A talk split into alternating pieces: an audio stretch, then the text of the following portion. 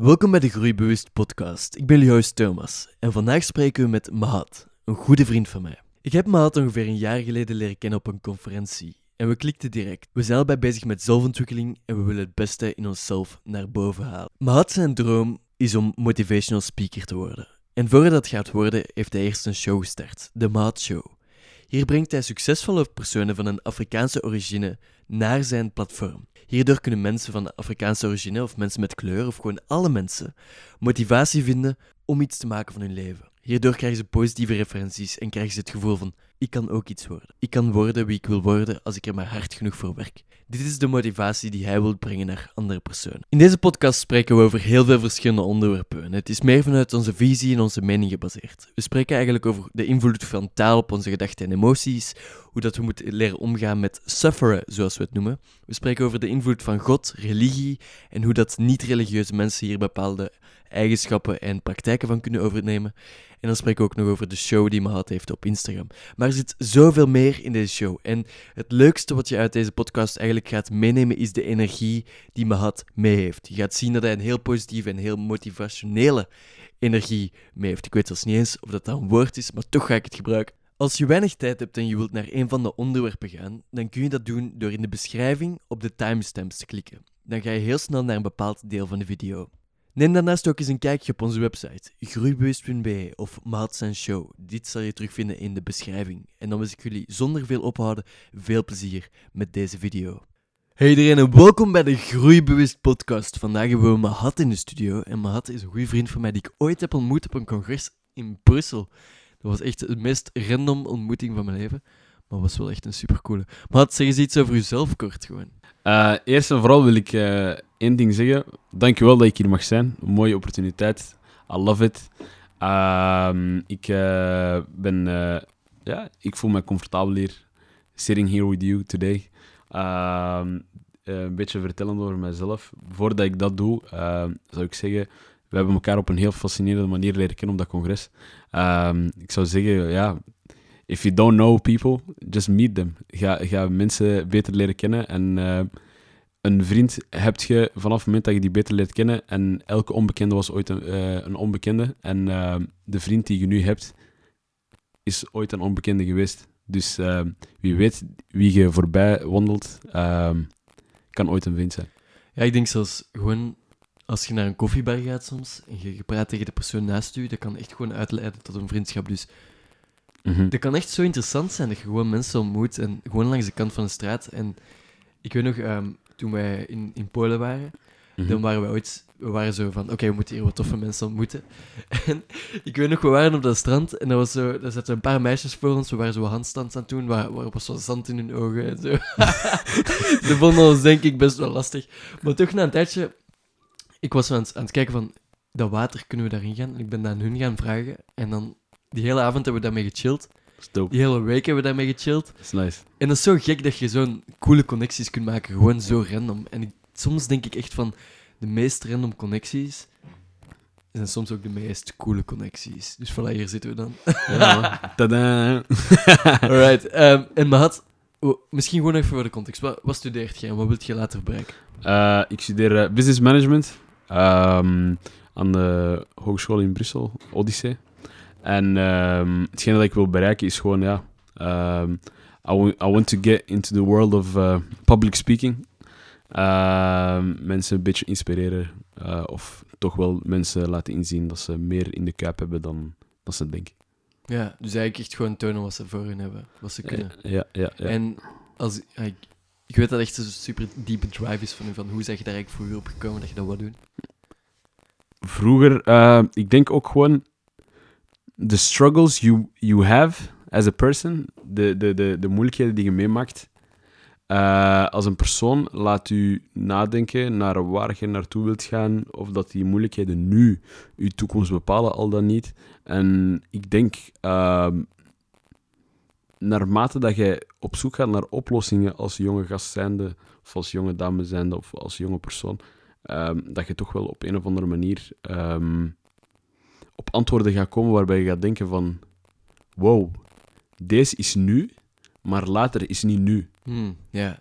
Dus dat was een soort van mijn drive eigenlijk. De van... er is, ai, Er is meer. waar ik in deze situatie zit, hoeft niet mijn toekomst te zijn, zoiets. Dat is het ding. Ja, Ja. ja, ja. ja, Ja, en ik denk dat veel mensen, vooral als je in moeilijke tijden zit, dat is ook... Als, als je in zo'n moeilijke tijd zit, dan kan zo heel het denken zo Mhm. geconsumeerd worden daardoor. En dan Ja. zie je echt niks. En ik weet nog, in mijn, in mijn moeilijke tijd, dat ik echt gewoon mijn vrienden had gewoon op te rekenen. Dat is echt... Eh, wat Ja, zeg je? Dat ik mijn vrienden vooral had, zo, waar Ja, ik op kon ja, ja, ik denk, dude, als je, vrienden is ook zo important, zo Zwaar. belangrijk gewoon. Ja, oké, dat is wel interessant. Ja, sowieso. Je staat daar niet vaak bij stil, gewoon, hoe belangrijk dat sommige dingen zijn, de kleine dingen zo. That's what's up, man. Dat is Life, life de, de kleine dingen doen meer dan we denken. Ja. Ik denk corona heeft me eh, aan doen herinneren, velen van ons ook, dat wij... Dat is misschien een coole vraag voor u. Wat is hetgeen dat corona u als inzicht heeft gegeven? Ehm, heeft mij veel inzichten gegeven. Bring them a boy! Eh, een van de inzichten dat corona mij heeft gegeven is eigenlijk... ehm, no matter what you plan or no matter what you have in mind, wat je ook plant in je hoofd of al hetgene dat je denkt van ik heb 100% controle, dat is, dat is zware zever. Hmm. Je hebt nooit 100% controle. En soms moet je leren loslaten. Ja, en als je vooral controlefreak bent, is dat moeilijk. ik ben een controlefreak. Zwaar Same, same, same. Ik hou, ervan, ik hou ervan als ik iets plan dat dat altijd volgens plan gaat, maar dat gaat nooit. Maar corona heeft het mij nog iets op een andere level laten zien dat het sowieso niet gaat. Corona was in your face, man. Echt wel, echt wel, echt wel, echt wel. Ik had, eh, ik had gekke plannen en ik dacht, wow man, wow, they, they off the table. Maar ehm, praat alleen maar op positivity. Ik kan wel zeggen, het heeft mij ook eh, andere opportuniteiten gebracht. Heeft mij doen nadenken. Closer gebracht bij mijn familie ook. Cool. Ja. Ja, ja. En zou je zeggen, meer bij familie dan je vrienden? Of... Meer bij mijn familie dan mijn vrienden, jawel. jawel. Ehm, daarvoor, ik denk wel dat je misschien kunt meepraten. Ehm, je, je bent constant bezig. Je gaat van hier naar daar, naar daar, naar daar. Je bent wakker, je vertrekt. Je doet wat, misschien een meditatie of zo, of, of een momentje van rust wanneer je wakker wordt. Maar de echte, echte lifestyle die we hadden, was ja, je, je loopt van de A naar B, naar C, naar D en je komt terug thuis. Ja, dat is eigenlijk wat we net hebben besproken, hè? Die redrace die we Ja, aan het ja, lopen zijn. Ja, ja. Hmm. Ah, nee, ik merk gewoon dat bij mezelf, nu dat die lockdown terug aan het verminderen is, hoe snel ik terug in die redrace begin te lopen. Ik merk dat ik terug zo met, met heel veel mensen wil afspreken en dit en dat en dat wil doen. Ik snap u. Ik snap u. En ik denk, ik, ik weet niet, ik ben niet helemaal zeker of ik, of ik het wil loslaten na, dit, na corona. Maar ik denk wel zo wat meer gebalanceerd zo. Dat er ergens ook wel tijd mag zijn om gewoon even stil te staan. Want het is trouwens de eerste keer.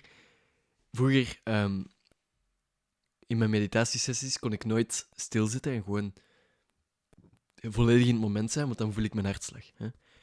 En ik had altijd Mhm. schrik voor mijn hartslag. Gewoon. Ik weet niet waarom. Ik had gewoon, Mhm. als ik dat voelde, begon ik te, te stressen.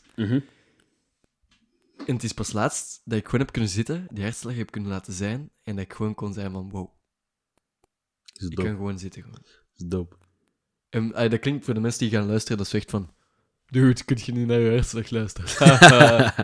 maar nee, voor mij voelde dat echt wel zo van, wow. Ah, dus dat was echt gewoon vroeger altijd panikeren en niet bij kon zijn, en nu gewoon echt zo Dat is mooi, man. Dat is echt mooi. Dus ik heb nog een vraag voor u. Als je ehm, één ding mocht wegnemen van corona... Nee, na corona. Ja. Als je één ding achter je laat en één ding meepakt, welke zijn die twee dingen? En dan gaan we, ga ik u nog een andere vraag stellen. Eén ding meenemen en één ding achterlaten. Ehm, ik zou het volgende willen meenemen en dat is nog steeds connected zijn met familie. De connectie met familie, ehm, ik bedoel dan de band, nog steeds even sterk hebben na corona. Terwijl die daarvoor sterk was, maar niet op een echt op een manier waarbij je denkt van ik ben aanwezig. Je, ik heb het gevoel, voor corona was ik niet in de picture bij familie. Ik was niet aanwezig op eh, eh, bepaalde bijeenkomsten. Ik bedoel echt mentaal en fysiek, of wel- welke van de twee? Fysiek. Fysiek. En mentaal ook een beetje, maar mentaal was ik er wel aanwezig. Maar ik weet niet, als je kijkt ook naar de red race, je leeft gewoon in je eigen wereld, een beetje. In je hoofd. Je doelen, ambities. Je doelen, ambities, je vrienden die je wilt zien, de mensen die je wilt zien. eh, zulke dingen. De reizen die je wilt doen. Waardoor je ineens, ja, je, je bent niet meer aanwezig op eh, een verjaardag van eh je nichtje of zulke dingen. Dat zou ik wel willen. Ehm, en hetgeen dat ik zou graag willen achterlaten is, ehm, in coronatijden, is... Hmm, dat is een goede vraag. Ik zou zeggen... ehm, the feeling of... Deze moet. En dat moet. En ik moet daar zijn. Ik weet niet. Within de, eh, met de tijd waar wij nu leven, hebben wij veel, velen van ons fear of missing out. Je wilt up-to-date zijn met alles. Sowieso ook met social media. hè. Je ziet iedereen allemaal coole dingen doen. Terwijl eigenlijk die mensen die filmpjes maken over hun leven of zo, dat is alleen van de top, top momenten. Hè. Dat is Dus eigenlijk, de meeste mensen zijn net zoals ons gewoon thuis zo Netflix aan het kijken en denken, oh, fuck my life. maar eigenlijk, eh, eh, je krijgt wel altijd die referenties, dus dat is moeilijk om zo te zeggen van, ah, je wilt ook al die dingen doen. Want je hebt het gevoel dat iedereen dat ook doet. Mhm. Dus ergens vind ik social media wel een gevaarlijke, maar ook wel een coole tegelijk. Dat is waar, dat is waar. Dus heel dubbel zo. Dat is waar, dat is waar. Het ding is ook gewoon... Er zijn zoveel dingen om uit te kiezen doordat social media aanwezig is. Ehm, we krijgen zoveel opportuniteiten op ons bord. De ene eind naar de andere. Ah ja, zo oké. Ja, Dus, ja. Van kopen en, en de- ja, dingen doen, reizen. Ja, ja. En de ene, de ene evenement na de andere is dan op social media gepost van, komt jij ook? Dan zie je de ene volk naar daar gaan, de andere volk naar daar. En dan denk je van, oké, I gotta go maybe as well. By the way, de reden waarom Mahat veel Engels spreekt, hij studeert internationaal business management. Ja, ja, ja, ja, ja. ja. Ik, ik kan ook gewoon volledig Nederlands praten. Nee, ik maar- vind het wel cool. Ik vind het wel cool. Dat geeft Oké. je zo een coole vibe. Oké, alright, alright, alright. Ik, eh, ik weet niet, ik, eh, ik vind dat wel mooi zo. Engelse woorden erin gooien. Ik vind, ik vind dat ook... ehm, ik had zo voor... allee, voor een jaar geleden sprak ik heel veel Engels, terwijl ik zo ah, gewoon met mensen aan het bespreken was. Maar ik heb gemerkt dat... Want mijn business gaat meer gericht zijn op het, op het, het Nederlandstalig publiek. En ik ben zo wat meer woorden in het Nederlands gaan zoeken. En je kunt daar ook heel diep in gaan. Oké. Je kunt ook heel mooie, diepe woorden vinden in het Nederlands. Ik kan er nu letterlijk geen verzinnen op dit moment, maar Oké. Als je er, als je er, eh, als je er straks of eh, ooit nog eens eh, zulke diepe woorden wilt delen, me- doe dat meer als gerust. Want ik denk, vele jongeren snakken naar die diepe woorden, want die vinden ze niet direct terug in het Nederlands. En gaan dan liever naar het Engels, omdat dat zo... Ja, dat heeft zo wat de... Dat, zo, dat klinkt zo vrij realistisch van, ah, oké, ik kan dat niet goed. terugvinden in het Nederlands. Ik vind dat wel terug in het Engels. Ja. Waardoor Zoals enchantment in het Engels. Enchantment is betovering. Oké, Maar enchantment klinkt al zo cooler. Zo. nieuw woordje dat ik heb bijgeleerd. Dus wel, dat zie je zo. eh. maar tegelijk soms is het zo cool om je eigen taal zo wat te exploreren. Omdat dat je taal maakt zo, zorgt dat je ver, verbind, verbonden wordt met je eigen land. Terwijl, maar... ehm, ja, ik merk ook gewoon, ik merk ook gewoon dat soms... ah, taal is moeilijk en taal is soms eh, dat, is, is ook saai om te bestuderen. dat, is, dat, is, dat, is, dat, is, dat is, dat is. Maar het is wel. wel cool, ook gewoon je denken kan veranderen. Als jij, kijk, dit is een cool feitje dat ik heb geleerd. Dus als jij beter met emoties wilt omgaan, de meeste mensen hebben een paar woorden voor hun emoties. Mhm. Boos, verdrietig eh, en blij. Maar er zijn zoveel andere. Treurig. ehm, ik kan er even op geen andere komen. Eh, wacht even, wat is er nog? Je zou zelfs dood voor een emotie kunnen voelen. Ik voel me dood van binnen. Dat zijn diepe emoties, hè. Mhm. En dan bijvoorbeeld, zoek eens een, een mooi woord voor, voor het Nederlands van plezier. Of plezier, gelukkig, Prettig. prettig, ehm, betoverd. Ik voel me betoverd. Eigenlijk, als je zo, Genot. genot, als je zo van die kleine woorden kunt vinden voor je emoties, ga je een veel rijkere ervaring ook ervaren aan emoties. Terwijl als jij zegt, voor alles, eh, bijvoorbeeld je voelt je gefrustreerd, Ja. maar je zegt ik ben boos, dat is totaal iets anders. En uw interpretatie daarvan is totaal anders. Vanaf dat je die kleine linken kunt leggen, Ja. heb je een veel rijker emoties. Dus That's true. ja, ik ben zelf waar. niet goed genoeg in ontwikkeld, maar dat is iets wat ik heb geleerd. Ik, eh, wel cool. ik, ik zou zeggen, als je je emoties echt kunt, eh, kunt benadrukken met echt die sterke woorden. Dat is echt fascinerend.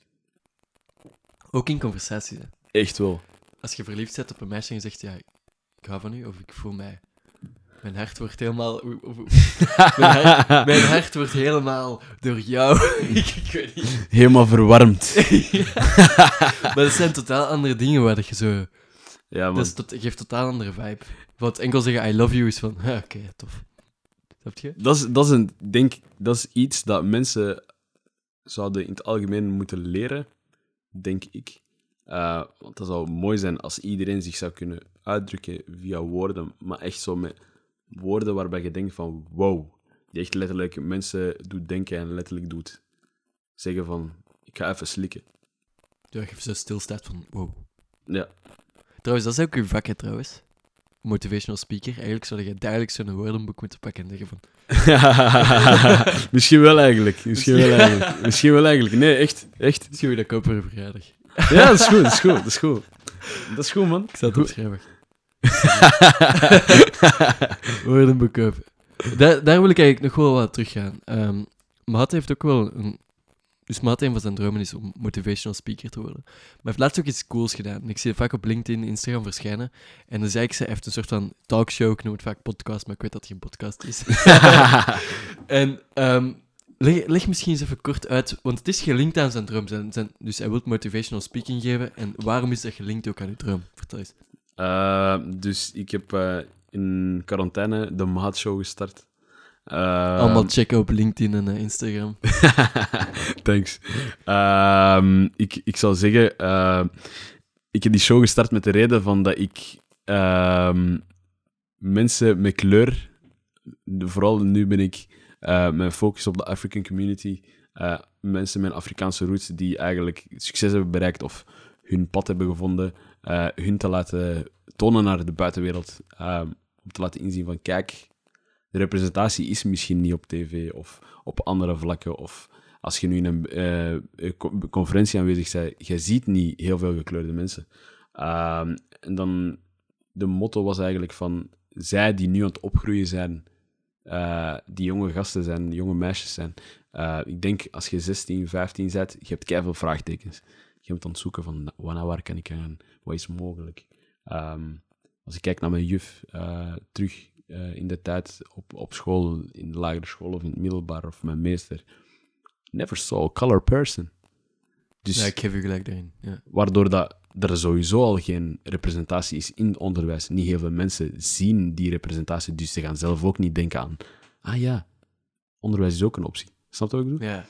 Dus de hele rol dat ik probeerde te spelen was, voor, ja, nu in quarantaine ook, ik dacht van, kijk, misschien zitten mensen met een heel diep eh, gevoel van, ik zit in een diepje, maar ik wou gewoon nog steeds die emotional, eh, die emotional empowerment geven of eh, motivational eh, spirit geven vanuit andere mensen hun verhaal, terwijl dat niet eens mijn verhaal is. Snap je wat ik bedoel? Er is recht je bij aan het verhaal. Hè? Dat is het ding. En ik ben zelf aan het bijleren. En ik doe dat nog steeds. Ik ben zelf aan het bijleren. Ik ben zelf geïnspireerd geraakt door die mensen. Snap je wat ik bedoel?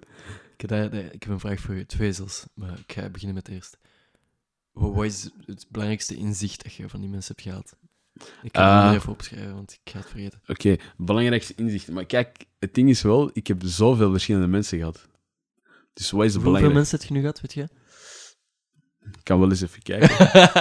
doe een gokje, doe een gokje. Eh, een gokje. Eh, ik denk eh, sowieso, sowieso tien? Getwijfeld. Ja, ik twijfel. Want het zijn er zoveel geweest. Tien. Ik heb er nu tien gehad. Tien mensen. Maar het heeft tien mensen op zijn dingen gehad. En Ja. wat is het belangrijkste inzicht dat je hebt gehad? Het belangrijkste inzicht ehm, dat ik heb gehad was. Eh, het belangrijkste inzicht dat ik heb gehad was. ehm, leef en laat leven. Leven en dat leven. Ja, dat- ehm, het meeste dat ik heb meegekregen van die mensen was vooral. Jezelf zijnde, jij zei perfect hoe jij bent. Jij zei Thomas, ik ben Mahat. En dat is oké. Ja, Dus je hoeft you. niemand anders te zijn. Je hoeft niemand anders te zijn. En eh, die lieten ook inzien wat, wat, de wereld in elkaar zit. Ik heb heel verschillende mensen gehad. Ik heb een meisje gehad die was psycholoog. Een meisje gehad die was onderneemster. Een andere gast die was ondernemer en die studeerde. Een andere gast was ook ondernemer en studeerde ook nog. Ehm, ik had al- een gast gehad waarbij we gesproken hebben over spiritualiteit. Eh, en die zelf zelfs zei van, ik ben ondernemer, maar ik wil niet praten over mijn ondernemerschap. En ik wil praten over spiritualiteit. En Zo niet eens cool, man. gelinkt naar geloof toe. Dus een beetje gelijk jij, een beetje meditatie. Ja. Hij is all into that. En Misschien heeft hij u ook beïnvloed om te leren mediteren. ik denk, jij wordt wel al het eerste tikje, of het eerste, de, de eerste zaadje ehm, in mijn hoofd van meditatie is ook wel iets. Dat was kei raar om te doen de eerste keer, maar ik, ik heb wel gedacht van, wow, is crazy. Als je dat elke dag doet, is crazy. Het is cool, hè? is cool. Komt zelf echt tegen. Ja, Maar ik denk, we gaan er straks dieper op ingaan. Want ik wil goed. even nog op iets anders dieper ingaan. En dit is, me- dit is een persoonlijke vraag voor u. Dus jij Ja. mag kiezen wat je erop antwoordt. Hoe ervaart jij het eigenlijk als je... Want je zei net van, je ziet geen, geen mensen met kleur in het onderwijs. Je, ziet, je ziet de blankas. nee, maar dat is, dat, is, dat is normaal, want het ding is... Ik weet niet... eh, het kan zijn dat er ook gewoon niet de, de, de, de, richt, de richtlijnen zijn of de, ehm, de aanwijzers om daar te komen. Snap je wat ik bedoel? ja, en er is daar, daarin zorgt ook je talkshow dat, dat de mensen het gevoel hebben van... Kijk, ik, ik hoef niet enkel deze pad op te doen. Deze, Dat is het ding. Wacht, eh, no offense, dit gaat stereotyp klinken, maar meestal is het toch zo het pad van rapper worden, sportatleet worden. Ja, of zo. ja, zulke dingen. En ehm uw show geeft daar dan zo wat meer zo de grotere context aan van... Dat is het ding. Rapper, chill. Als ik rapper kan worden, cool man. Maar als Ja. ik onderwijzer kan worden en ervoor kan zorgen dat iemand zijn taal ontwikkelt, dan kan die rapper worden. Of dan kan die iets cools worden of zo. En, en die, die leerkrachten bijvoorbeeld, dan stel je voor, je hebt nu een persoon met een kleurde, eh, kleurde huidskleur, eh, met, met, met een pigmentje. Eh, stel je voor, je hebt... Stel je voor, je hebt zo'n persoon en die, die is letterlijk in het onderwijs. Je moet weten, als persoon zijnde zoek je altijd naar de persoon waarbij je jezelf kunt terugvinden. En als je bijvoorbeeld een jonge gast bent van de Afrikaanse roots en je hebt een leerkracht die Afrikaans is, die, die heeft dan een Afrikaanse roots, maar die is opgegroeid en die, die, die, die leeft in, in, in België, maar heeft de Afrikaanse cultuur nog steeds in de hand. Ja, je voelt je dan zo gesplitst tussen de twee, meestal. Ah, die die Ja. mensen voelen zich zo meestal gesplitst. Ja, en nu voelt je je ineens een soort van connected, of je hebt het gevoel van, ah, dat is mijn leerkracht. Ik kan ook leerkracht worden als ik wil. Maar terwijl je Hij eigenlijk... klinkt dat zo simpel, hè, maar dat is zo, dat is, dat is zo... Eigenlijk is dat vreemd dat jullie dat... Dat is niet vreemd, maar... Psychologisch gezien is dat vrij normaal dat dat ja, zo is. exact. Want wat je effectief ziet in je jongere jaren, of wat je ziet in, je- in je levensloop, bepaalt wie jij wordt, hè. Je Exact. ervaringen. Ja. Ja. En als ik kijk naar uw ervaringen, wat, waar heb jij uw referenties gehaald? Waar heb jij het gevoel gehad dat je het ge- gehad van waar dit is hoe ik het kan maken? Oké, dat is wel een diepe vraag. Zou je specifieker kunnen gaan? Wie waren uw voorbeelden in het leven? van kleur. Ehm, Oké, ik zou zeggen, een Will Smith heeft een grote rol gespeeld in mijn leven. Eh toch Grappige dude ook. Ja, grappig doet echt wel, echt wel. Ehm, maar ik denk, mensen gelijk mijn moeder bijvoorbeeld. Eh, is echt wel dicht bij thuis. eh. Ja, ja. Ehm, mensen die ik gewoon eh, ontmoette ook. Ehm, ik denk ook gewoon, één element dat ik, mij ook heeft geholpen is ehm, het feit dat ik het geluk had, en nu nog steeds het geluk heb, dat ik oudere broers en zussen heb, waarvan ik kan lezen van die doet dat fout, dat zijn zijn fout geweest, dat, dat, dat, dat, waarbij ik zelf kan reflecteren naar mezelf kan terugkomen. En net zeg je over jezelf dat je nog niet zo reflectief wordt, maar ergens leert je snel van je omgeving. Dat je jezelf nog onderschat eigenlijk soms. Ja, ik leer wel... Eigenlijk, wow, dat is crazy. Snap je wat ik bedoel? Ja, ja, ik reflecteer niet op mezelf, maar ik reflecteer wel op, op mijn omgeving. Dat is je sterkte ook, hè? Blijkbaar. Oh, hij heeft iets nieuws over zichzelf ontdekt. Shit, man. Never expected that. Oké. Ja, nee. Eh, dat is ook een element dat mij wat rijker heeft gemaakt in kennis. Ehm, en andere, andere mensen die ook wel een rol hebben gespeeld, people like Gary Vee, sowieso.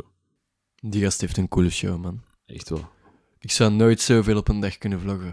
En zoveel kunnen tonen gewoon. Mijn leven is te saai.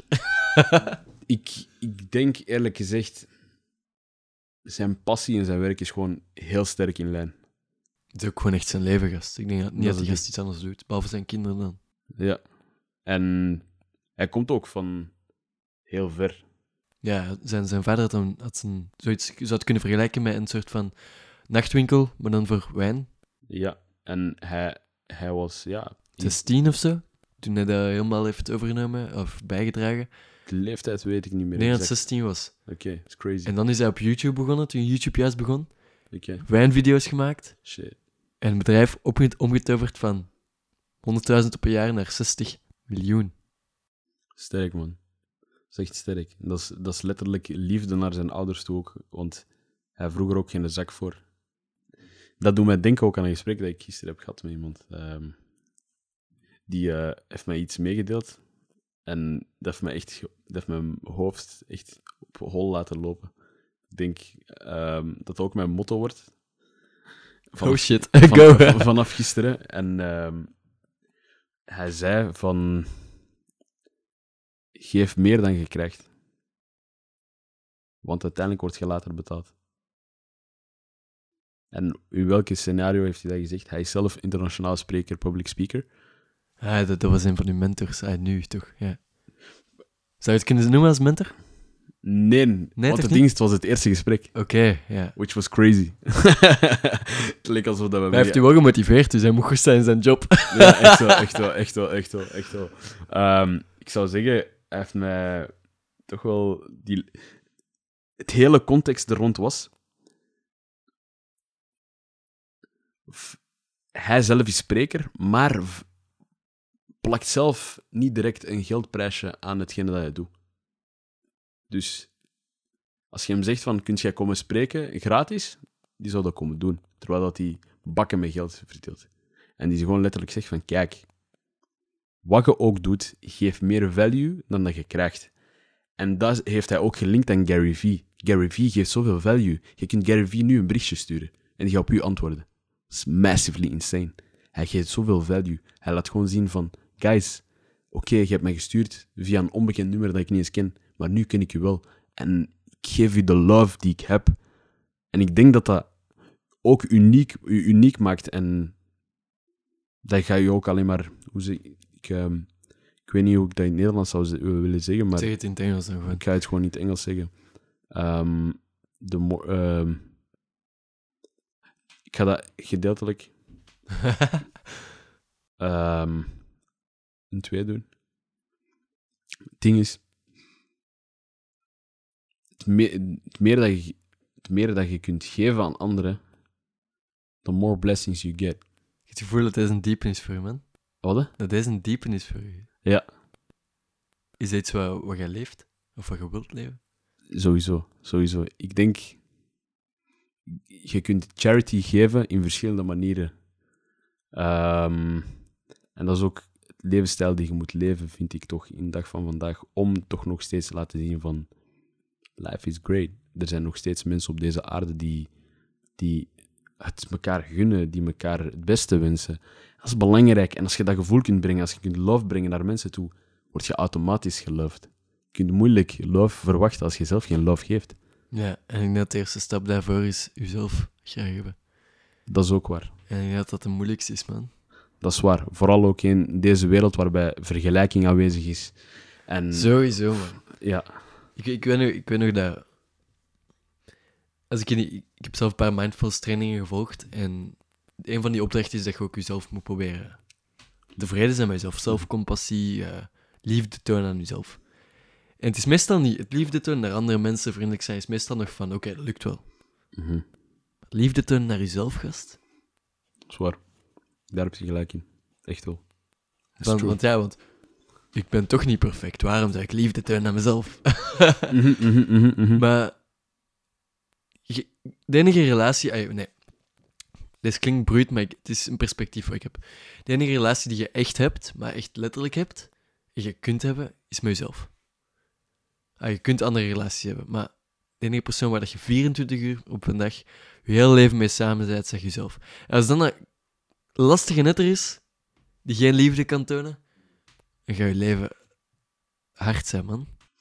Ik denk corona heeft dat wel doen, mij doen eh, laten blijken van... Wow, eigenlijk... It's me and my mind. Dat is waar. En nu, u, je brein zegt, ai, ons brein zegt veel bullshit, hè, man. dat is ook waar. Het is gelijk 40.000 gedachten op een dag. Ja.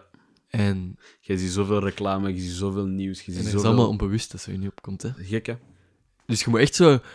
Wat ik heb geleerd is dat je echt ehm, bewust moet zijn van wat er in je brein omgaat. En vanaf dat je bewust daarvan kunt zijn, kun je ook zeggen van, deze is wat ik wil denken. Het is moeilijk om iets te zeggen van, ik ga dit niet meer denken. Want Mhm. wat dat je ook denkt, het komt terug. De meest bullshit gedachten, de meest fucked up gedachten komen terug. Maar als jij het gevoel hebt dat die gedachten waar zijn, dan ga je verliezen in die gedachten. Maar als je het gevoel hebt dat die gedachten zijn, ah, dit is de, zijn de gedachten van mijn nonkel die altijd lastig was, Mhm. die ik heb geïntegreerd toen ik drie jaar was, Mhm. is het dan, oké, het zijn gewoon gedachten. Maar het is moeilijk om, die, om, die, om dat verschil te maken daartussen, begrijp je? Ik snap je. Ik snap je volledig. En dat is cool als je dat begint Ja, man. Het is ook wel pijnlijk, want je bent, je bent meestal niet bewust ervan. Als je daar bewust van bent, is het precies of dat je een deur open doet en je ziet er de meest fucked up dingen die je nooit wou zien. Zwaar. Maar vanaf dat je die deur open doet en zo beseft, ah oké, dit is maar voorbij, be- beseft je dat sommige gedachten illusies zijn, kun je die wel aan de kant doen en dan is de ruimte waar alles in zit niet meer zo donker als het lijkt. En zie je ook de mooie gouden schatten die er zijn. Klopt. Klopt, klopt, klopt. Een coole metafoor. Ja, man, echt wel. Echt wel, echt wel. Ik vind dat, ik vind dat mooi verwoord ook. En I would take it with me. For sure. Echt wel. Prachtig. Alright, cool. Ehm, nu misschien een iets moeilijker topic wat we kunnen doen. Ehm, en deze is eigenlijk iets waar, waar dat jij eigenlijk heel hard bij staat. En dat is God en religie. Oké. Dat gaan dieper worden. Oké. Ik merk vaak dat wij in het Westen, en ik, ik zie mezelf daar ook vaak in, dat wij niet vaak bezig zijn met religie en God. Mhm, mhm. Dat is een, dat was denk ik ook wel een noodzakelijke vooruitgang in onze samenleving, omdat de katholieke kerk onze samenleving stuurde. En ik denk dat we ergens wel vooruit gaan, dat we meer zelf kunnen bepalen wie we willen zijn. Tegelijkertijd heeft dat ook wel het, het negatieve effect van, Mhm. dat bracht heel veel waarde, Ja. bracht heel veel steun Ja. in moeilijke tijden. En het bracht een duidelijk pad van, of een duidelijker pad van wat er moest doen met je leven. Mhm. En nu zitten wij in deze maatschappij en zijn meestal van, wat de fuck doe ik met mijn leven? Wat welke waarden moet ik overnemen? Wat is mijn levenspad? Mhm. Ehm, en ik denk dat religie en, en God eh, voor, voor veel mensen wel iets zou kunnen betekenen. Ik ben zelf niet, ik ben geen fan van religie, maar ik vind het wel cool voor de meeste mensen. Mhm. Dus misschien de vraag die ik voor u heb is van, ehm, wat biedt religie voor u? Wat, wat haalt jij eruit? Eh, hoe heeft het u gevormd als persoon? Zo die dingen zo'n beetje. Maar ik begin maar met de eerste gewoon. Oké. Goeie vraag. Oké. Dus wat brengt religie naar mij toe? Wat brengt God u? Wat brengt God mij? Misschien helpt dat u omdat je dan de connectie beter voelt. Ehm, brengt rust naar mij toe? Meer rust dan, dan dat ik zou hebben zonder religie. Want ik heb ook ooit een tijd gehad dat ik niet gefocust was op religie. Hoe Of was het eigenlijk om te doen? Challenging. Echt waar. Ik denk, eh, je kunt jezelf wel verliezen. Ik toch, vanuit mijn eigen perspectief. Ik, ver- ik verloor mijzelf, denk ik, eh, in deze wereld zonder religie. Ehm, en ja, ik was, ik was totaal opgegeten door de red race, voelde ik. Ehm, je, je kunt zeggen van, je kunt druk bezig zijn, maar als jij eh, niet bezig bent met je rust, dan verlies je jezelf, vind ik. Want 24 uur vliegt, like this, voorbij. Ehm, en dat gaf mij rust en kalmte en hoop. naar het betere toe. Ja. En ehm, hoe zorgt dat ervoor dat jij die hoop krijgt dan? Bij het Ik weet dat het moeilijke vragen zijn, dus. Ja, ehm, ik zou zeggen, bij het stilstaan, bij, bij de woorden die ik dan op bepaalde momenten zeg in mijn gebed, of bij de boeken die ik lees, of bij de gesprekken die ik heb met zij die rondom mij zijn, die ook gelovig zijn. Eh, ik spreek dan meestal over gesprekken met mijn moeder. Die geven mij toch wel wat hoop. eh. en video's bijvoorbeeld geven mij ook hoop. Eh, naar betere dagen toe. Ehm, en ja, het gevoel van I will be okay if I stay on the right lane. Als ik het juiste blijf doen, wat wel challenging is. We hebben dat daar juist ook besproken, dat, dat er heel veel afleiding is eh, in deze wereld. Het is moeilijk om je pad te blijven bouwen. ja, echt wel, echt wel. Want wat is je pad en wat is het juiste om te volgen? Zo? Dat is het ding. Helpt dat u ergens om... om ehm, want ik weet vaak dat in religie zo het, het, het, het idee is van... God heeft een plan voor u en je Mhm. moet luisteren naar uw... Ja, meestal is het de, de stem van God. Maar je zou het ook kunnen zeggen voor de iets westerlingen meer, voor de non-religieuze mensen, Mhm. ehm, dat dat intuïtie is, zo. Het gevoel van, ik weet waar ik naartoe moet. Maar ik ben niet helemaal zeker of dat, dat overeenkomt. Mhm, mhm, mhm. Ehm, vind dat een moeilijke vraag. Eerlijk te zijn. Ik echt Probeer, moeilijk. probeer je gevoel te volgen in wat, je, wat je denkt. Ehm, zou ik die vraag kunnen herhalen, maar dan Ja. op een makkelijkere manier? Hmm. Dus... Wacht, ik ga proberen het anders te vertalen. In religie is er vaak het concept van, of het idee, eh Gods plan. Ja. Van, eh, God wil dat je deze doet. En dan zal u dat op een bepaalde manier duidelijk maken. En je ziet ook vaak terugkomen in de non-gelovige wereld meer van... eh, er is ergens een gevoel wat je zegt dat je moet doen. Je weet wat je moet doen. Je intuïtie zegt het. je intuïtie, ja. En je zou ergens die twee wel op eenzelfde pad kunnen brengen. Van Dat is waar. eh Gods stem en intuïtie zou je wel... eh, Het moet niet, moet niet noodzakelijk dat je daar geloof aan linkt, maar dat je wel Mhm, zegt van... Ergens weet je wat je moet doen. mhm, mhm, mhm, mhm. Heb jij dat gevoel ook soms? Ik kan wel zeggen, ehm, het gedeelte met Gods plan, dat je wel toch wel kunt linken aan je intuïtie. Ehm, ehm, en uiteindelijk, waarbij je dan het gevoel krijgt van, teruglinkende naar hetgene dat ik daar juist zei, hoopgevoel van, God heeft een plan voor mij. Ik ga ergens naartoe, maar nog steeds achter in- je hoofd houdende van, ik moet wel mijn best doen. Uh, en het beste uit mijzelf halen. En de maximum doen dat ik moet doen om uh, uiteindelijk te zijn waar ik moet zijn, waar God mij dan in, in dat moment mij wou brengen. En op deze moment het gevoel dat God u ergens wilt naartoe brengen? Ja, sowieso. sowieso. Wat, wat zou je zeggen dat het nu is? Uh, het gevoel dat... Je moet dat niet als je niet Oké, oké. Ik, uh, ik, zou, ik, zou, ik, ik zou gewoon niet algemeen willen zeggen greatness. Uh, Ik denk sowieso greatness. En in welke manier bedoel ik greatness? Gewoon naar de toekomst toe zie ik sowieso meer challenges, meer testen. Ik zie deze wereld ook als een test voor mezelf en voor elke persoon die rondloopt. Uh, waarbij de persoon die je een jaar geleden waart, nu niet bent, omdat je bepaalde testen zijn doorgegaan. En, Zeg, die testen zijn ook een vorm van groei. Zo. Dat is het ding. Dat is het ja. ding. En ik denk ook, the greater you want to be, or the bigger you want to be, of de, de betere leven dat jij wilt, en de betere leven dat er voor u bestemd is, de meer testen dat je meemaakt. Hmm, het is eigenlijk van, um, als jij iets wilt en het, het is echt belangrijk voor u, dan gaat je meer die barrières komen om te laten zien van dit is echt wat ik wil. Zo, zoiets meer. Mm -hmm, of mm -hmm. is het nog anders? Of is het eerder um, dat je meer testen krijgt omdat je echt moet groeien? Ik denk meer testen krijgt omdat je moet groeien om, het dingen te om de dingen te bereiken die, die voor u bestemd waren uh, als, als, als je dan praat vanuit God zijn plan. Uh, en uh, ik denk vooral, ja, die, die, die testen zijn, die komen met reden. Bijvoorbeeld, je kunt ook zeggen van, ik ga je een klein voorbeeldje geven.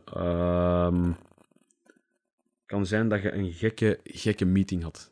Morgen. Zoals wij. Ah, ik dacht- ik dacht- nee, nee. opnieuw, opnieuw. Ja, Zo, ja vertel maar. Een Zo'n meeting bijvoorbeeld, je, je gaat je 10 miljoenen bedrijf verkopen of zo. zoiets. Ja, zoiets. En stel je voor, je auto staat in pannen. Uit de dode hoek. Op de autosnelweg. Je kunt niet meer naar die, naar die meeting gaan. Je moet You're fucked, man. You're fucked. Snap je? You're fucked. But at the same time, je kunt jezelf vragen te stellen van... Kijk, misschien wil God niet dat ik in die ruimte ben. Misschien is, is het omdat ik eh, die deal niet moet sluiten. Terwijl je zelf denkt van... Eigenlijk, ik wil die deal wel sluiten. Maar aan de andere kant denk je van... It was just not planned. Maybe Hmm. the money... Het geld dat gaat komen, waarbij ook daar eerst over gespro- gesproken is. Bepaalde dingen wordt je weerhouden van, doordat God een ander plan voor u heeft.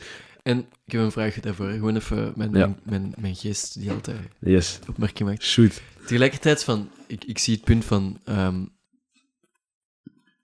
van stel je sta- staat op die snelweg en je, je zegt van inderdaad, misschien is het not meant to be, Ja. maar tegelijkertijd heb je dan ook wel zo het gevoel van, stel dat ik het wel wil. Hè? Mhm. Is dan, is het dan eerder het punt waar je dan aftast in jezelf van, is dit iets wat echt overeenstemt met mij? Of deed ik het voor het geld? Was het een foute intentie? Is het dan eerder dat je op dat moment kijkt van, was het wel de juiste intentie dat ik had?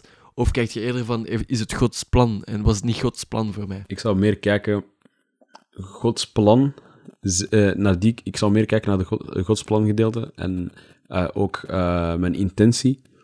Ehm, ik, ik wou juist ook refereren naar hetgene dat we daarvoor hebben besproken over het feit van er zijn heel veel rijken en die weten niet eens hoe ze moeten omgaan met hun geld. Juist, ja. En stel je Zoals, voor... eh, zoals Mike Tyson, die 3 mil- 300 miljoen had en nu broke is. Ja, besef. En dan stelt je jezelf de vraag van, wow, het kan ook zijn dat ik gewoon letterlijk werd weerhouden, omdat ik gewoon niet mijn... één element dat ik ook bij sta is, en ik heb dat ook meegegeven daar juist, is ehm, hoogmoed. Moet Ja. je sowieso niet hebben. Ego. Ja, mogen we niet hebben in deze leven, vind ik toch. Dat is, eh, heel mak ik krijg dat heel makkelijk. Ik spring nu wel van de hak naar de tak, maar... Dus ook, eh, de eh, mensen die er naar luisteren kunnen u wel begrijpen. Oké. Als je naar deze luistert, zet je cool. Alle mensen nu zo thuis. Ja! Ehm, ik, ik zou zeggen, ehm, het kan ook zijn dat het geld dat je misschien die 10 miljoen die je ging sluiten, je hele persoonlijkheid ging veranderen. Hmm. En wat God niet wou misschien voor u. Wat, wat ik wel cool vind aan het perspectief, ik zie, ik zie zo twee kanten van, van deze dingen. Ja. Het coole vind ik aan het perspectief is dat je soort van, ehm, wat er ook gebeurt, je het vertrouwen dat het goed komt. En dat zorgt er eigenlijk voor dat je altijd die positiviteit kunt behouden. Dus dat is wel een, iets nice, los van het feit of dat je gelovig bent of niet. Hè. En ehm, wat ik wel het gevaar ervan vind, is dat je gaat, bijvoorbeeld stel dat je dan toch voor die 10 miljoen wilt gaan, maar dat je dan zegt van, ehm, misschien was het not meant to be, dat je dan ook je opties afsluit. Zie je, zie je de tweestrijd die ik er zo aan heb? Ja, ik snap je volledig. Maar dan moet je wel terug refereren naar het feit van het element dat je als buiten dan geloof, maar dan nog steeds gelinkt is aan geloof. Het feit van dat je weet van, ik moet sowieso mijn best doen. Oké, nu heb ik niet aan die tafel gezeten met die mensen en heb ik die deal niet gesloten.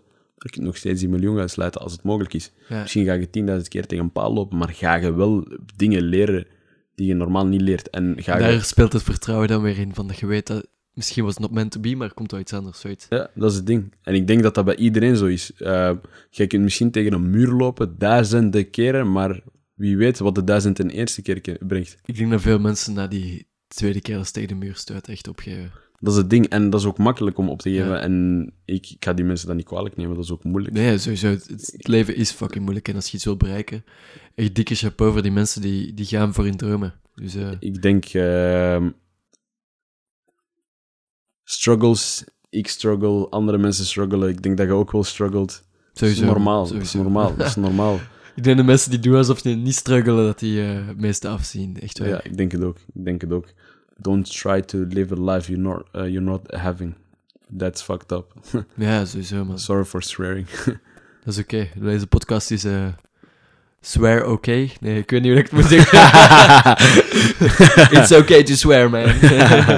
Ehm, ik, eh, ik zou zeggen, ja, super okay to struggle. Dat is mijn gevoel.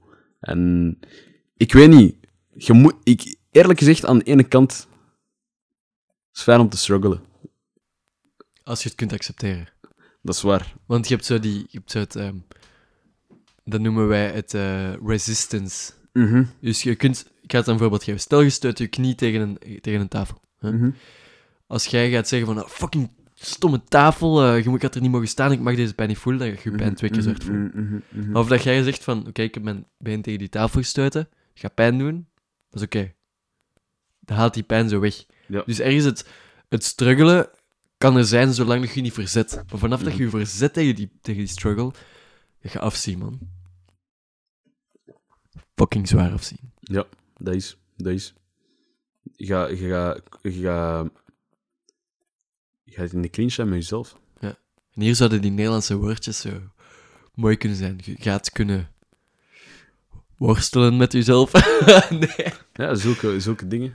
Of ja, misschien nog iets coolers. Blijven, blijven haken in de, in de, in de, in de past. Blijven haken in het verleden. In de past, ja, in het verleden, ja, inderdaad. Ja. Ja. Zie kijk, we kunnen in plaats van fucking struggelen, kunnen we zelfs nog coolere woorden gebruiken daarvoor. Cooler, dat kan ik zelfs nog gebruiken als een ander woord. Ehm, interessantere woorden. Ja. Hey, Fascinerende woorden. fascinerende woorden. Zie je dat? Wow, zie je dat verschil al zo? ja, ja, ja, ja. Ik zie het. Wow, oké. Daar wil ik nog wel graag aan werken later. Met, met die woorden. Kunnen spelen zo met die woorden en zo'n ander verhaal kunnen vertellen. Zo.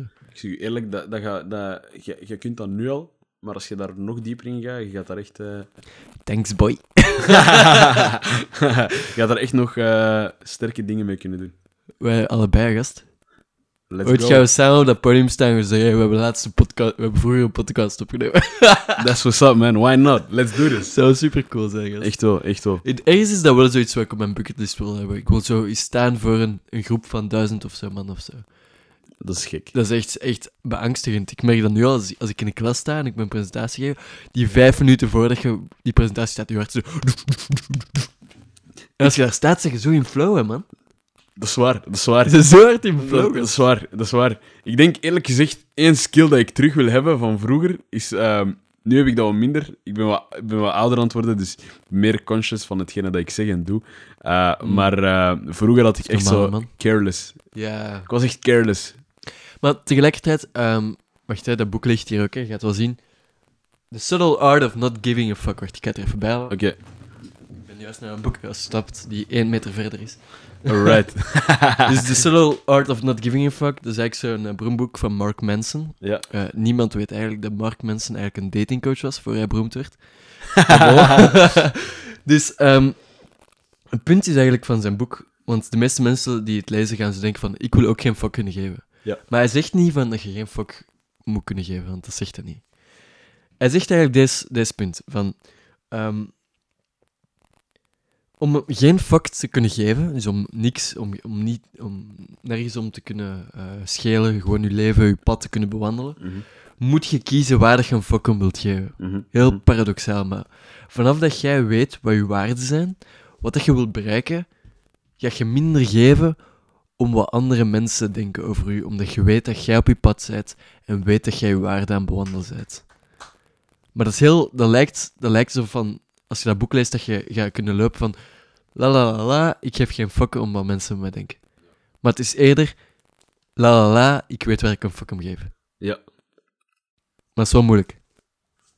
Fucking moeilijk. Ik zelf wou dat boek lezen, maar ja, ik ben echt geen boekenlezer. Iedereen heeft zijn dingen, hè. Ehm, ik, ik wou dat lezen en ik dacht ook het gevoel van, als ik dat lees, ik ga dat, ik ga dat 100% weer terug kunnen. Alles, alle vlakken. Maar Maar met dat kun je niet. Je niet. dat, dat, is, dat, is, dat, is, dat, is de realiteit. Ik denk, de beste momenten dat ik dat echt kon, was tot de leeftijd van, mijn, van 16. Ik denk, 14 tot 16, I didn't give a fuck. Serieus? Echt waar. Ik gaf zoveel fucks van mensen van mij, echt. Nee, Zwaar. ik niet. Echt? Omdat ik juist ook in een omgeving ben gaan wonen waar het echt gewoon was van you do you. Ehm, ik weet niet of ik dat ooit al heb verteld. Ik heb eh, een jaartje in Londen gewoond. Trouwens, je hoort in de achtergrond thee geschenkt worden. Deze podcast is gesponsord door Noon Thee, de beste thee die er is. Yeah, yeah. Nee, eh, je hebt in Londen gewoond, oké, vertel. in Londen. eh, en eh, het, ik zeg u eerlijk, dat was eh, een fascinerende ervaring. Ik heb mezelf ontwikkeld. Ik heb ineens België moeten achterlaten, mijn vrienden moeten achterlaten. Wow, dat is fucked up, man. Ja, maar aan de andere kant, ik ben leren le- ik heb geleerd hoe ik moet leven op mezelf. Zou ik ook eens moeten doen. Dus sowieso, doe it, doe it. Ik ga zeggen, het is, n- het is niet dat ik 100% alles onder de knie heb om 100%... Ik heb een vraag voor u. Ja. Je bent naar Londen gegaan en toen gaf je echt geen fuck. Ja. Of, of, Ik heb daar geen- geleerd om geen vak te geven. ja, en dan kom je naar België. Wat is Ja. er veranderd? Eh, ben, ik ben beginnen botsen met mijn mentaliteit tot de leeftijd van 16, zou ik zeggen. Ehm, ik eh, zelf ehm, was ja, gewoon mentaliteit vandaar meegepakt naar hier. Eh, Hoe zie je dan dat de mentaliteit verschillend is tussen daar en hier? eh, mensen zijn roekeloos. Mensen zijn heel Brits. eh roekeloos. Zoals Daniel. Daniel, als je naar deze podcast luistert, deze is voor jou. Ehm, ik kan zeggen, ja, die mensen leven gewoon. Er zijn zoveel mensen in, al- in, in die stad, eh, overbevolkt. Eh, dat kan letterlijk niemand schelen wat jij doet. Iedereen doet wat hij wil. En dat gevoel heb ik gewoon meegepakt. En die lessen die ik daar heb geleerd, vooral van het feit van, ja, do you. Ehm, ik heb andere hobby's eh, beginnen te krijgen. Bijvoorbeeld, eh, ik ben beginnen fitnessen, terwijl ik eigenlijk daarvoor niks met fitness deed. En welk verschil heeft dat gemaakt bij u? Mentaal echt wel, het heeft me wel sterker gemaakt. Op een jonge leeftijd, 15-jarige leeftijd, was ik begonnen met gymmen. Ja, ik ook. Ik ook. Ik merk wel, ehm, zo, je gaat dat misschien herkennen. hè. Zo, wanneer je begint met fitnessen, begint je één ding op te merken. Ja. En dat is wanneer dat je eigenlijk aan het trainen bent, en je bent op het einde van die training, is er zo dat, dat stemmetje dat tegen u zegt van, stop er gewoon mee. En Ja. elke, elke keer als je dan fitnest, moet je de stemmetje overwinnen. Ja. Dus je innerlijke criticus. Ik weet niet, ik weet niet of je dat ook hebt ervaren. Ik heb dat ook ervaren. Soms dacht ik van, oh ja, ik wil gewoon eh, in mijn zetel zitten, GTA spelen. en dan dacht je van, oké, nee, ik maak deze set af. En dan Ja. denk je zo, wow, Ja. ik ben overwinnelijk. ja, nee, dat is, dat is echt het gevoel dat je krijgt. En ik, eh, ik kwam van vooral groepsverband rond sport. En ineens had ik dat niet, omdat ik in Londen woonde en de, de clubs ook niet dichterbij waren bij mij thuis. Wa- had ik eh, ineens alleen de optie om naar de gym te gaan, terwijl ik daarvoor, ik deed handbal en ik, ik deed aan thai-boksen tegelijk. Eh, ja. Eh, en ik zeg je eerlijk, dat was de meest fascinating thing. De combo van de twee. Ja. Ik, ik kan wel zeggen... Dat heeft me ook geleerd om in te zien van... Kijk, je kunt rondzwerven en rondhangen als een jonge gast. Maar eigenlijk druk bezig zijn is ook de shit. Dat is eigenlijk waar dat je nu nog altijd zo soms... Zo, het, wat jij in de corona hebt veranderd eigenlijk, hè? Ja. Corona ben ik wat rustiger eh, aan gaan moeten doen. Eh, maar tegelijkertijd ben ik ook nog steeds gewoon bezig geweest. Hij blijft maat. ik denk, Thomas blijft Thomas en Ja. Mahat blijft Mahat. Ergens blijft we altijd hetzelfde, denk ik. Ja. Je hebt zo... ehm, je hebt altijd je kerneigenschappen die blijven terugkomen. Ik merk bij mezelf... eh, ik was toen ik in, in middelbaar was, een zware uitsteller. Vreselijk. Ik heb ooit... Ik was een zware gamer en ik had ooit een appel in mijn bureau. En ik had die appel opgegeten, ik had die in mijn kast gestoken. ik heb zes maanden laten liggen, gewoon omdat ik zo'n zware uitsteller was. Maar als ik nu terugkijk naar wie ik nu ben, letterlijk zes maanden. Als ik nu kijk naar wie ik terug ben, als toen mijn wilskracht en mijn uitstelgedrag 100% was, mijn wilskracht was 5%, mijn uitstelgedrag was 100%, dan is nu mijn wilskracht ehm, naar 70 heb ik dat al kunnen brengen. Ik stel niet meer zo zes maanden lang dingen uit, zo stomme, simpele dingen. Mhm. En dat is gewoon zot hoe dat je sommige dingen zo hard kunt veranderen, maar je beseft nog altijd dat die 30% of die 5% die er altijd gaan zijn, die gaan er blijven. Zwaar. En dat zijn nu valkuilen, dude. Maar Ja. vanaf dat je die beseft, kun je daar zo hard mee rekening houden. Dat is super cool. Zwaar. En we gaan eh, een korte pauze in, in, in, eh, inhouden van 10 minuten en dan gaan we terugkomen.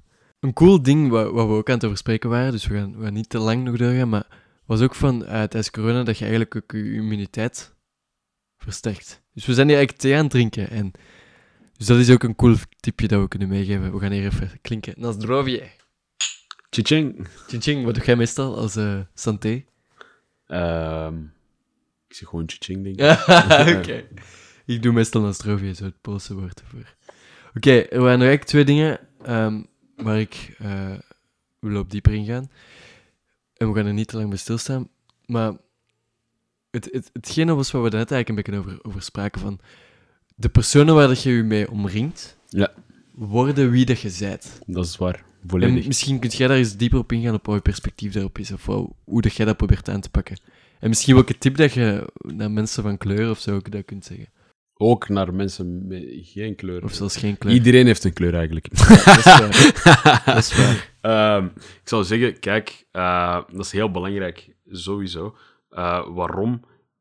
Omdat je dan op een of andere manier jezelf vormt. Je, je, in je jongere jaren, als jij omgaat met slechte vrienden en jezelf zoekt naar jezelf met al die vraagtekens, dan komt je op antwoorden, terwijl die antwoorden niet eens de antwoorden zijn die je zou moeten hebben.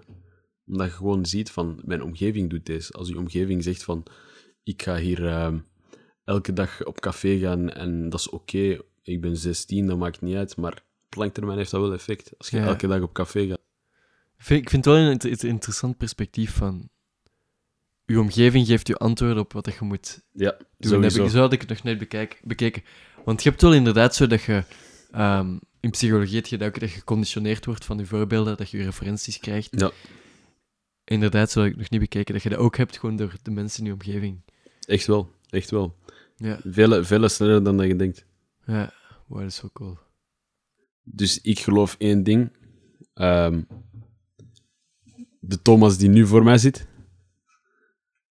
is de Thomas die gevormd is geweest door zijn ouders en zijn vrienden. Vooral door mijn vrienden, denk ik. Maar beide een beetje. Ja, ja, ja, sowieso. Ik zie veel van mijn ouders terugkomen, maar ik merk wel dat mijn vrienden het grootste effect hebben op sommige dingen. Oké, dat kan ook. En het ding is, dan, dan kun je terug refereren naar, naar hetgene dat ik juist zei. Waar uw vrienden niet wie ze waren, kon het ook anders gelopen zijn. Hmm. Zou, zou ik een ander pad hebben kunnen genomen. Plus, ik denk ook, ehm, wat een superbelangrijk is, is eh, online referenties. Ja. Gary Vee, die dat je net zei. Ja, ja. Maar ik merk, als ik de personen niet had die me andere perspectief hadden gegeven op YouTube, zou ik gewoon echt nog altijd gameverslaafd zijn. En, eh, in mijn kamer hier gewoon, eh, ik weet niet wat Minecraft. Minecraft zitten spelen, mijn eigen server maken. Ehm, maar ik merk wel dat het mij echt heeft veranderd. En ik denk dat het wel belangrijk is voor iedereen om bewust gewoon om te gaan met wie dat je in je leven laat. En één element dat ik ooit eens heb geleerd is, ehm, en zelf ook al toepassen, maar dat mij doen herinneren aan het hele gebeuren. Er zijn, er zijn oké mensen om mee om te gaan, maar er zijn ook mensen die... Er zijn mensen die oké zijn in u goede, breng, eh, goede dingen toebrengen in uw leven. Extra waarde hebben bij je leven. Er zijn ook sommige mensen die de waarde in uw leven wegzuigen. Toxic people.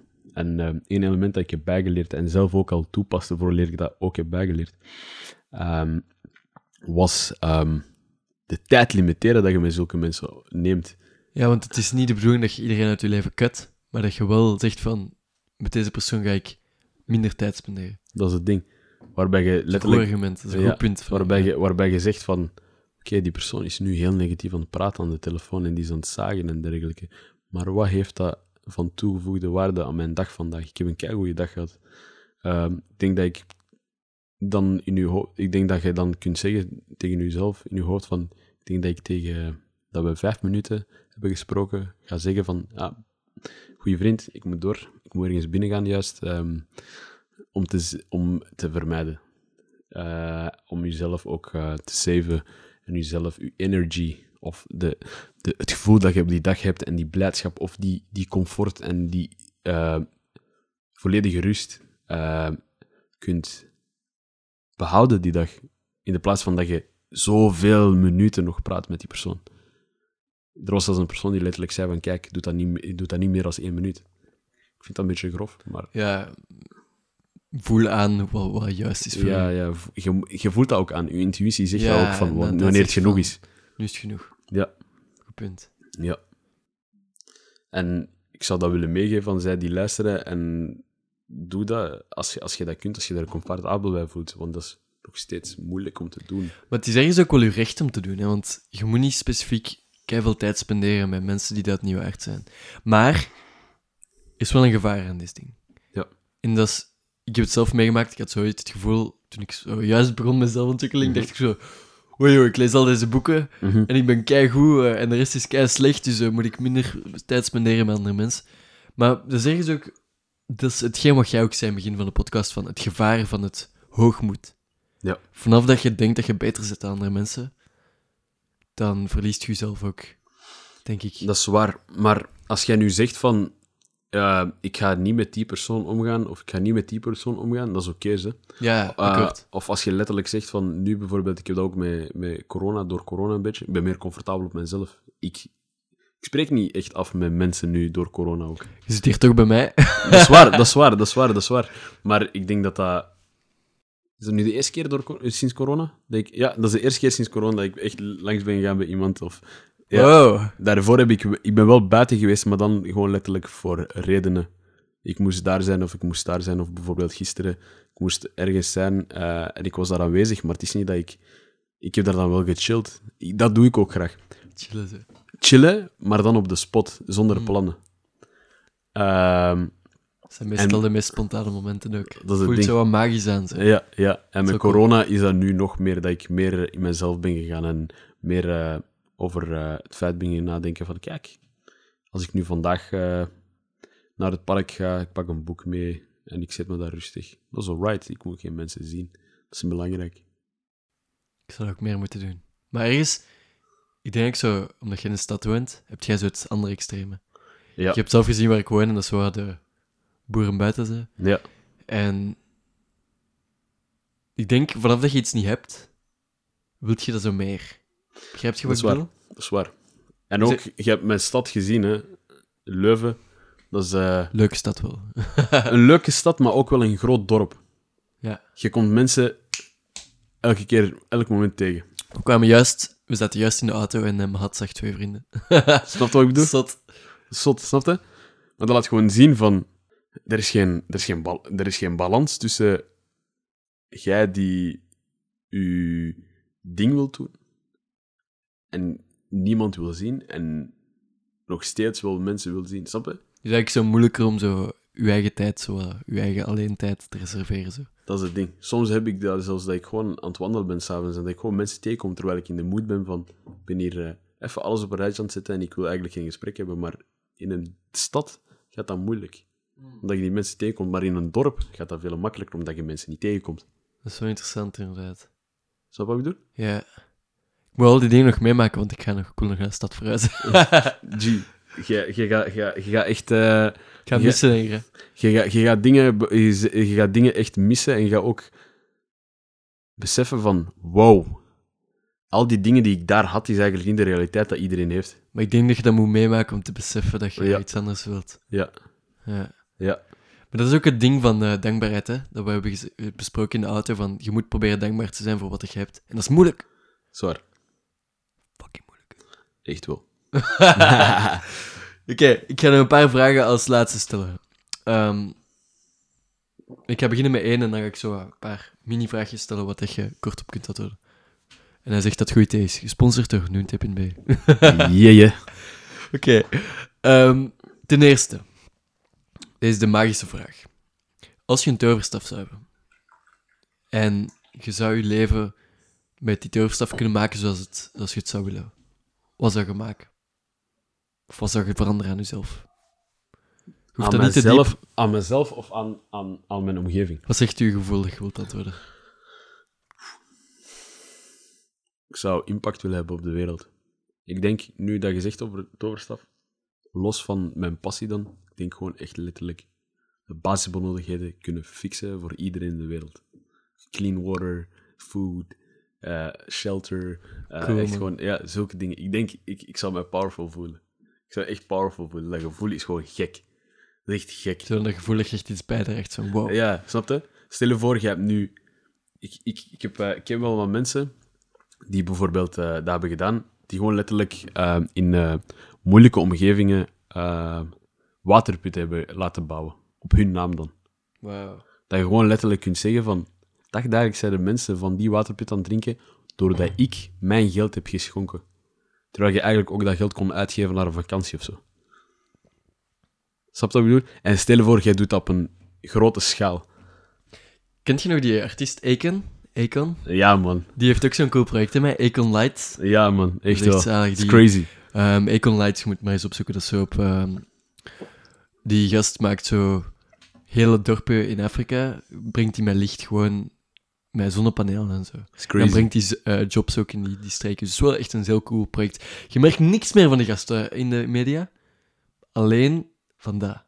Dus die gast is daar alleen nog mee bezig. Ja. Is gezot, hè? Is crazy. Wow. Is crazy. Dus als jij een toverstaf zou hebben, zou jij eigenlijk impact hebben op de wereld. Ik zou impact willen hebben op de wereld. Ik zou niemand willen hebben in deze wereld eh, die aan eh, hongersnood leidt. Of eh, die eh, leidt aan eh, geen, geen drinkbaar water. Eh, of eh, ja, dat zou mijn grootste zorgen zijn. Eh, dat zijn mijn grootste zorgen momenteel. Dat dat er is. En die toverstaf zou die zorgen kunnen verwijderen. Zo cool dat je daarmee bekommerd bent ook zo. Dat je dat wel voelt zo. Ik denk, als mens zijnde moet je daar bekommerd rond zijn. Je moet daar bewust van zijn, want kijk, jij gaat een douche pakken omdat het gaat. Jij gaat naar Ja, de kraan niet bij stillen, man. omdat het gaat. Ik ben zelf geboren en getogen in België, maar ik weet ook gewoon van back home, in Afrika dan, sommige, landen, sommige gedeeltes eh, van... Want Afrika is niet overal eh, eh, een, mo- een moeilijk gebied. Maar ja, bepaalde gebieden zijn wel moeilijk. Eh, ik zou zeggen, als, als je dat kunt ervaren in de dag van vandaag, in 2020, moeilijkheden met, met, met eten of moeilijkheden met, met, met drinkbaar water, dat is gek. Maar één element dat ik wel bewust van ben, is dat Afrika nooit charity nodig had. Wil je er dieper op ingaan of wil je volgende podcast eh eens dieper op ingaan? Voor mij, likewise, ik kan daarop dieper op ingaan. Ehm, ik denk, Misschien heel kort gewoon, heel kort. heel kort. Eh Econ heeft dat ook een keer verteld. Ding is, ehm, charity... Als charity echt werkte, moet je jezelf de vraag stellen, waarom is er nog steeds armoede? En dan moet je jezelf... Ik ga refereren naar een leaked ding. Een, een ding dat, dat heel eh, chockerend was. Dat, dat Oxfam eh, people did. Ze waren een keer eens gepakt geweest met prostituezen Ja, heb ik ook van gehoord. in een moeilijk gebied, eh, waarbij je jezelf de vraag stelt van, oké, Van waar gaat het geld van Oxfam naartoe? Zo. ja, snap wat ik Ja. bedoel? Maar ik denk, ik denk vooral hetgeen... Wat, wat, ik weet er echt geen bal over, hè, dus Ja. neem het met een korrel zout wat ik zeg. Ehm, veel van dat charity-geld gaat ook Ja. vaak naar bedrijven die in handen zijn van westerse maatschappijen en niet noodzakelijk naar ehm, bedrijven die daar al zijn. Ja, En Ja. als dat zou kunnen switchen, zou het ook al een groot effect kunnen maken, denk ik. zwaar. Ehm, ik, denk, denk ook het feit van dat de kolonisatie daar aanwezig was, heeft ook toegedracht aan het feit van dat dat bu- businessmodel aanwezig is in zulke streken en eigenlijk... Eigenlijk, wij zien dat allemaal als charity, maar dat is ook gewoon een businessmodel. Hè? Dat is waar. Dat is gek, hè? Er zijn wel ook een paar goeie, denk ik. Zo Trees for the Future en zo, die helpen bijvoorbeeld ehm, mensen, mensen in, in Afrika en zo. We gaan er niet te diep op ingaan, want anders kan het nog politiek worden. maar dus, ik heb gezien, bijvoorbeeld Trees for the Future, die helpen bijvoorbeeld gewoon burgers Ja. met hun eigen tuintjes onderhouden, hun Mhm. eh, forest farms, echt zo dingen afgestemd op de Afrikaanse grond. Mhm. En ze geven daar ook die kennis door. En, dat is niet echt, dat- en ze nemen ook mensen aan die, die daar gewoon werken. Eh, mensen die bijvoorbeeld hun, hun bossen omkapten eerst, maar Mhm. dan aange, hebben aangeworven als security guards. Mhm. Dus echt zo lokaal aanwerven. Dus echt wel zot hoe dat ze dingen kunnen switchen. Maar het zou wel een coole vooruitgang zijn. Maar ik ga, ik ga naar een volgende vraag zijn- gaan. Wat is het... eh, Ik wou nog wel ja, één ding zeggen als zeg dat maar. Zeg- Ja, doe maar, maar. ik denk één element dat wel zou werken en zou verbeteren qua, qua demografie en alles zou beteren in Afrika, is die charity mindset eruit krijgen. Want ik geloof in één ding, als je charity blijft geven aan zij die, die zogezegd in nood zijn, als je blijft vis geven, gaat die persoon niet meer leren vissen. je moet leren vissen. Je moet, je moet die mensen leren vissen, zodat ze zelf vissen en niet hun handje gaan uitsteken Terwijl ze eigenlijk een vis hebben liggen, maar het gewoon niet zien. Ja, Dat is mijn conclusie. ik ben helemaal akkoord mee. That's what's up. That's what's up, man. Wacht, hè. Ehm, ja, deze... Ik ga nu de laatste paar vragen stellen. Ik ga een paar snelle vragen stellen, dus daar gewoon intuïtief bij stil en voel wat, dat je, wat dat je wilt zeggen. Oké. Ja, wat is de belangrijkste les die je wilt meegeven? De belangrijkste les die ik wil meegeven is... ehm, doe wat je graag doet. Ehm, doe wat je graag doet. En heb zij die u lief hebben, lief. En eh, weet gewoon dat elke nieuwe dag een nieuwe opportuniteit is. En dat je elke dag wakker wordt doordat jij nog niet klaar bent met deze wereld en je hebt iets te bieden. Het is een mooie overtuiging. Yes, bro. en ik hoop dat zij die luisteren naar mij en naar Thomas eh, denken van deze twee guys hebben onze perspectief veranderd. Ehm, Zou cool zijn, man. dat zou echt cool zijn. Plaats het maar in de, in de comments als je dat hebt ervaren. Jeje. En laatste nog. ehm, wat, is het, wat is de persoon of het boek of de talk die het meeste ooit heeft- veranderd als laatste? Ik kan zeggen, wel niet direct een boek of een talk. Of een persoon of zo. Steve Harvey. Die persoon heeft mij zwaar veranderd. ik weet niet wie hij is, maar vertel maar even. Um, die guy heeft zijn eigen show. Um, African American guy. Um, was eh, ooit een lange tijd dakloos. Woonde in zijn wagen. Wist niet wat hij kon doen met zijn leven. Um, was hij zichzelf in badkamers van hotels. Met, met shampoo van, eh, van aan, die, eh, krijgt... aan, die, eh, aan die kraantjes. Um, die droogt zich af, af met die handdoeken daar in het toilet. Uh, en nu is hij een van de meest succesvolle Afro-Amerikanen in Amerika. En die gast is gestart als comedian in een comedy, eh, comedy eh, place. Ehm, en eh, eerst wou hij niks te maken hebben met comedy. En uiteindelijk is hij gestart met comedy omdat hij de opportuniteit kreeg.